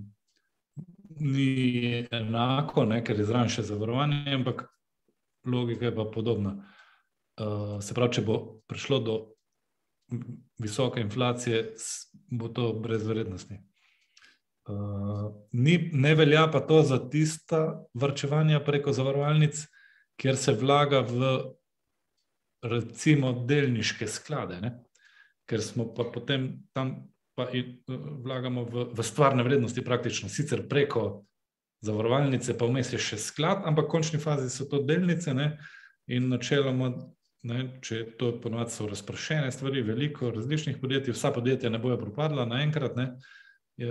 potem seveda smo izpostavljeni nihanjem ne? če prije do enega kreša na delniških trgih, kar napovedujejo, da bo hudo, ne?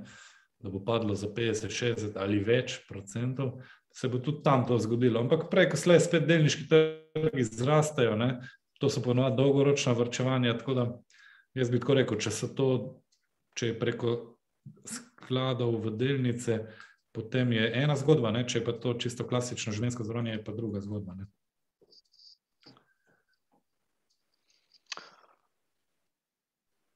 Ok, Ve, ve, večina stvari vidim, da smo tako odgovorili. Uh, naprimer, uh,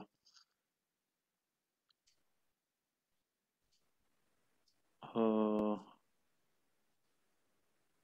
kaj lahko naredim z denarjem, s prihranki, ki jih imam na banki, to smo tako odgovorili. Um, kje lahko dobiš na svet v zvezi z naložbami, mogoče uh, ve, katero, katero od kredibilnih institucij. E, jaz predlagam, da kar gregate, kontaktirate oziroma izpolnite obrazec, pa se boste slišali z enim izmed uh, njihovih svetovalcev, pa vam bo povedal, kakšne so možnosti. Ne? Pa tudi dal kak na svet, Gregor, ne? Um, pa tudi povedal, kako je to možno tudi v zlato narediti s tem, kar se oni v bistvu profesionalno ukvarjajo. Um, ampak ne vas ne bo, ne, ne bo neroden, uh, pokličite, vprašajte. Um, mislim, brez težav, se, brez zadržkov se prijavite. Uh, če vas kaj zanima, vam bomo z veseljem odgovorili. Uh, pri nas je ena ekipa vrhunskih strokovnjakov, nisem sam, vsi smo.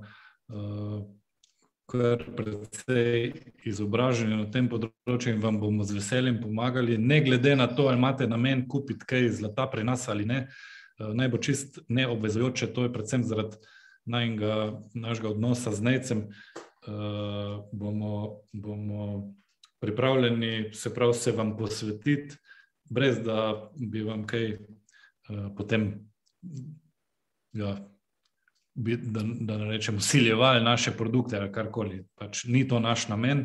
Uh, seveda vam bomo z veseljem ponudili tudi naše produkte, če boste zainteresirani. Uh, ne boste pa deležni kakega usiljevanja. Tako da brez zadržkov se lahko prijavite.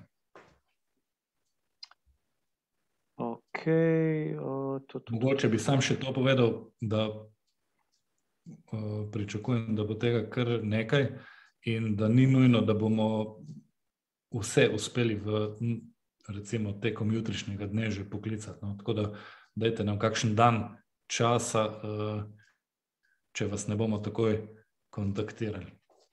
Uh, Lepo je bilo eno zanimivo vprašanje, se splača prihranke v evrih zamenjati v, v dolarje ali pa v švicarske franke?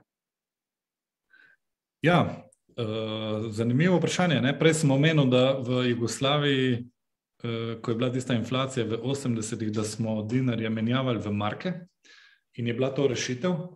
Uh, danes to ni rešitev, zaradi tega, ker dolarje tiskajo še bolj kot evre, ne? franke tiskajo še bolj kot evre, uh, valute, kar tekmujejo, ne? katerih je več, kdo države, kar tekmujejo, kdo bolj tiska svojo valuto. Ne? Zato tudi ni uh, za opaziti med temi glavnimi svetovnimi valutami, za kakšne hude premike v vrednosti tečajo, ne? ker vsi uh, so na nekako na enaki poti ne? in vsi izgubljajo na vrednosti, vsi, vsem se dramatično povečuje. Vse ste videli pred tiste grafe, ne? kako se količina denarja v obtoku zvišuje.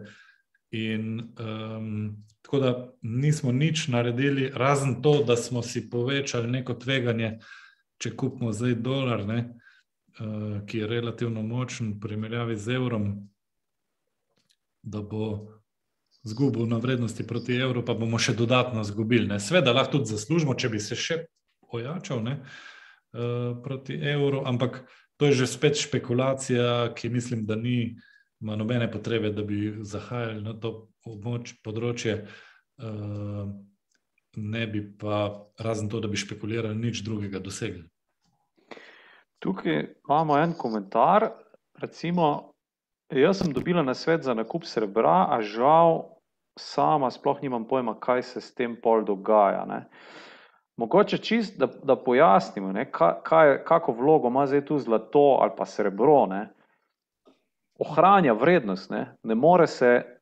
Uh, Ne, to se pravi, če, če imamo mi denar, ne, denar nima realne vrednosti, denar je papir, ne, zlato pa ima neko realno vrednost in zlata ne moreš ustvariti več, kot ga je, ne, ker večino zlata je Gregor, čeprav vem, že je že tu, ne? Ni, nima, nima zemlja več zalog. Ne? Ja. Um, In ga ne moreš natisniti, kot denarja. Jaz bi pokazal mogoče na enem primeru, uh, kaj pomeni. Se, se vem, ljudje si ne znajo točno predstavljati, kako bi zaslužili, če kupijo zlato, ne? zlato ali pa srebro. Zlato nič ne dela, ne, nič ne ustvarja, nobenih obresti ni. Ne. Kupiš kilo zlata, pa imaš kilo zlata. Ne, imaš jo danes, imaš jo čez pet let, imaš jo čez deset let, še vedno je samo kila, niso pa dve kili. Um, in bom, če dovoliš, za kratek čas delil tole uh, stran, ne, ker je graf cene zlata v zadnjih 15 letih. Ne? In vidimo, da je kilogram pred 15 leti stal 15 tisoč evrov, ne? zdaj pa stane dobrih 50 tisoč evrov. Se pravi, če smo kupili kilo, takrat smo dali za njo 15 tisoč evrov, danes še vedno imamo samo eno kilo, ampak jo lahko prodamo za 50 tisoč evrov. Um, vmes se je pa cena tako gibala, se pravi, ne samo raste, tudi kdaj pade. Uh, Zdaj tukaj vidimo, da to je poprečje, če bi izračunali med 8 in 10 odstotkov letnega donosa. Ne. Uh, inflacija pa ni bilo toliko, ne. Uh, uradna je bila okoli 1 do 2 odstotka, neuradna je bila nekoliko više, ampak realna, ne. ampak vseeno ne 8 odstotkov. Tako da vidimo, da tudi v takih časih nizka inflacija lahko zlato lepo dela, ne. donose, kaj šele v času hudih inflacije, ko, ko, ko na to v bistvu ponori. In zaradi tega so tudi naslednjem, za naslednje obdobje tako optimistične napovedi glede zlata in srebra. Ne? No, in če mogoče uh, omenim to, kar vidim, da ljudi zanima, ne? mogoče razlika med zlatom in srebrom. Uh, kaj je bolje, zlato ali srebro? Ne? čisto par uh, razlik. No, da povem, se pravi, načeloma je logika enaka. Ne? Ob, obojega je končno mnogo, obojega je veliko že nakopanega, manjši del se ga še bo. Um, in in uh, na ta način se pravi, to je stvarno vrednost, ki se ne da tiskati. Um, no, ampak. Uh, srebro, prej sem povedal, kako, zakaj se zlato uporablja ne? za nakit, pa za naložbe v industrijo, gre samo 7,5%. Obratno pa srebro se uporablja večinoma, 60% približno za industrijo. In to, in to za te industrije ali pa te branže, ki so zdaj v sponu. Ko govorimo o tej zeleni industriji, o elektrifikaciji, mobilnosti, o sončnih elektrarnah, o električnih avtomobilih in tako naprej, ne, posod se uporablja tudi srebro. In uh, glede na to, da se veliko zdaj investira v te branže, ne, da, da se bo vedno več tega uporabljalo, v baterijah ne, in tako naprej, uh, se predvideva, da bo povpraševanje po srebru uh, se močno še povečalo, kar bi pomenilo, da bo cena srebra še bolj rasla kot pa zlata pa že za zlato so zelo, zelo optimistične napovedi. Um, res pa je, da je posledično uh, srebro bolj izpostavljeno nekemu tveganju, ker je bolj odvisno od nekih gospodarskih gibanj, pa ciklusov, in tako naprej, ne? in da so tam ta nihanja lahko veliko večja kot pa pri zlatu. Ne? Zlato je bolj varna, umirjena naložba. Ker gre za, za ohranjanje realne vrednosti, pa nekaj donosa se ustvari, ne? pri srebru pa ma, že malo bolj špekuliramo. No. Eh, dodatna razlika, ki, je, ki je, se je treba zavedati, je v tem, da je zlato drago, uh, glede na težo, ne, uh, približno, bom zdaj na pamet rekel, 80krat dražje kot srebro. Ne. Se pravi, če je kila srebra, zdaj govorimo o borznih cenah, trenutno pod 700 evri. Ne, uh, kila zlata, pa več kot 50 tisoč evrov. Ne? Eh, potem si lahko predstavljate, da imate 100 tisoč evrov, če kupite zlato, imate dve take le ploščice, vsaka je eno kilo težka, ne? lahko date v žep, v bistvu. Če pa kupite za 100 tisoč evrov srebra, boste dobili pa uh, 130 kg. Zdaj sem malo na pamet rekel, pravzaprav ne, ker pri srebru, to je pa še ena razlika, uh, je treba še DDV plačati. Ne? 22%. Um, tako da je recimo malo večja težava hramba srebra. Ne? Mi bi sicer poleg vrčevanja v zlatu uh, ponudili našim strankam tudi vrčevanje v srebro, ampak to fizično, logistično ni možno, ker v Sloveniji nimamo toliko kapacitet varnih sefov, ki bi se jih dalo zavarovati, da bi lahko za naše stranke hranili to srebro. Recimo, in, in možnost hrambe nudimo samo za zlato. Okay, Pomo tukaj eno vprašanje. Zdaj, kar se tiče nekih konkretnih uh, vprašanj, kar se tiče nekih zneskov, nad toliko pa toliko, če so kakšne ugodnosti in te zadeve, to jaz predlagam, da se kar sami z Gregorjem ena na ena dogovorite, izpolnite tisto obrazec, ko sem vam link poslal, pa pa lahko tam vprašate pač vsa možna vprašanja. Mi bomo zdaj počasi zaključili, smo že v bistvu dve uri, ne skoraj. Uh, je pa še ena stvar, uh, kakšna je eno vprašanje, ki bi ga rad izpostavil, potem pa bomo počasi zaključili. Kakšna je likvidnost sredstev v zlatu? Aha, pa še tole, no, uh, oprosti, Gregor, še tole. Tudi link do tele e-knjige vam bom dal še enkrat, um, kjer si lahko tudi sami izobrazite, pa si v bistvu pridobite informacije. No. O tem, kako zaščititi svoje premoženje. Bom vam dal link zdaj v komentar. Um, super, ja, vprašanje glede likvidnosti. Uh, ja, zlato je eden najbolj likvidnih trgov na svetu. Se pravi, v vsakem trenutku, uh, razen čez vikend, ne, je zlato možno prodati ali kupiti. In uh, po pošteni borzni ceni, ko govorimo o naložbenem zlatu, priznanih svetovnih kovnic. In uh, nikoli ni problem uh, likvidno. Se pravi, tudi če imamo veliko zlata, ne, ga lahko vedno v celoti prodamo, pa ne bomo nič vplivali na ceno. Govorim zdaj veliko za posameznika, z vidika posameznika, ne vem, 10 kg, 20 kg. Ampak, 50. ampak ja, jaz mislim, da je bolj vprašanje v smislu, ok, jaz imam zdaj pri vas, jaz, ne, kot ne corič, imam zdaj pri vas toki tok zlata, zdaj pa jaz rabim in mi ga vi hranite, pač mesečno pri vas vračujem, zdaj pa jaz rabim, ne vem, 500 evrov. Ne. Ja, ok. Zdaj tako, ali pa, ali pa 2000 ali pa 5000 Ja. evrov. ne. Eh, Ko gre za take manjše zneske, pa je zlato pri nas, ne, potem je stvar zelo preprosta. Mi pošljemo en eh, odkupni list, stranka ga podpiše, skenira, pošlje nazaj. Če gre za manjši znesek in smo mi likvidni v tistem trenutku, pomeni, da bo stranka že isti dan ali pa drug dan dobila denar. Eh, Če gre za več denarja, pa nam stanje na računu ne omogoča takojšen odkup, eh, v tem primeru pa se lahko zavleče za nekaj dni. Ne? Se pravi, če mi sami ne moremo odkupiti zlata, potem ga pošljemo nazaj v kovnico, traja par dni, da prijete v Švico, eh, ko, ko kovnica zlato dobi, tako izplača in je denar spet stranka dobi. Tako da v nobenem primeru ne traja dolgo, ponavadi je pa zelo hitro.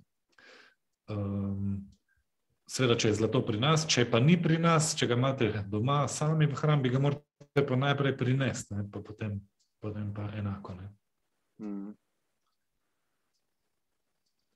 Ok, jaz mislim, da smo bila dosti izčrpna. No? Če je še kako vprašanje ostalo neodgovorjeno, kot sem rekel, kliknite na, na tisto link, ki sem vam ga poslal, izpolnite obrazec, pa stopite v kontakt z Gregorjem oziroma z njegovimi sodelavci. Tako da, sodeč po komentarjih, se mi zdi, da je bila tematika kar zanimiva. No? Tudi meni osebno je zanimiva, kot sem rekel, vedno, ko te pokličem.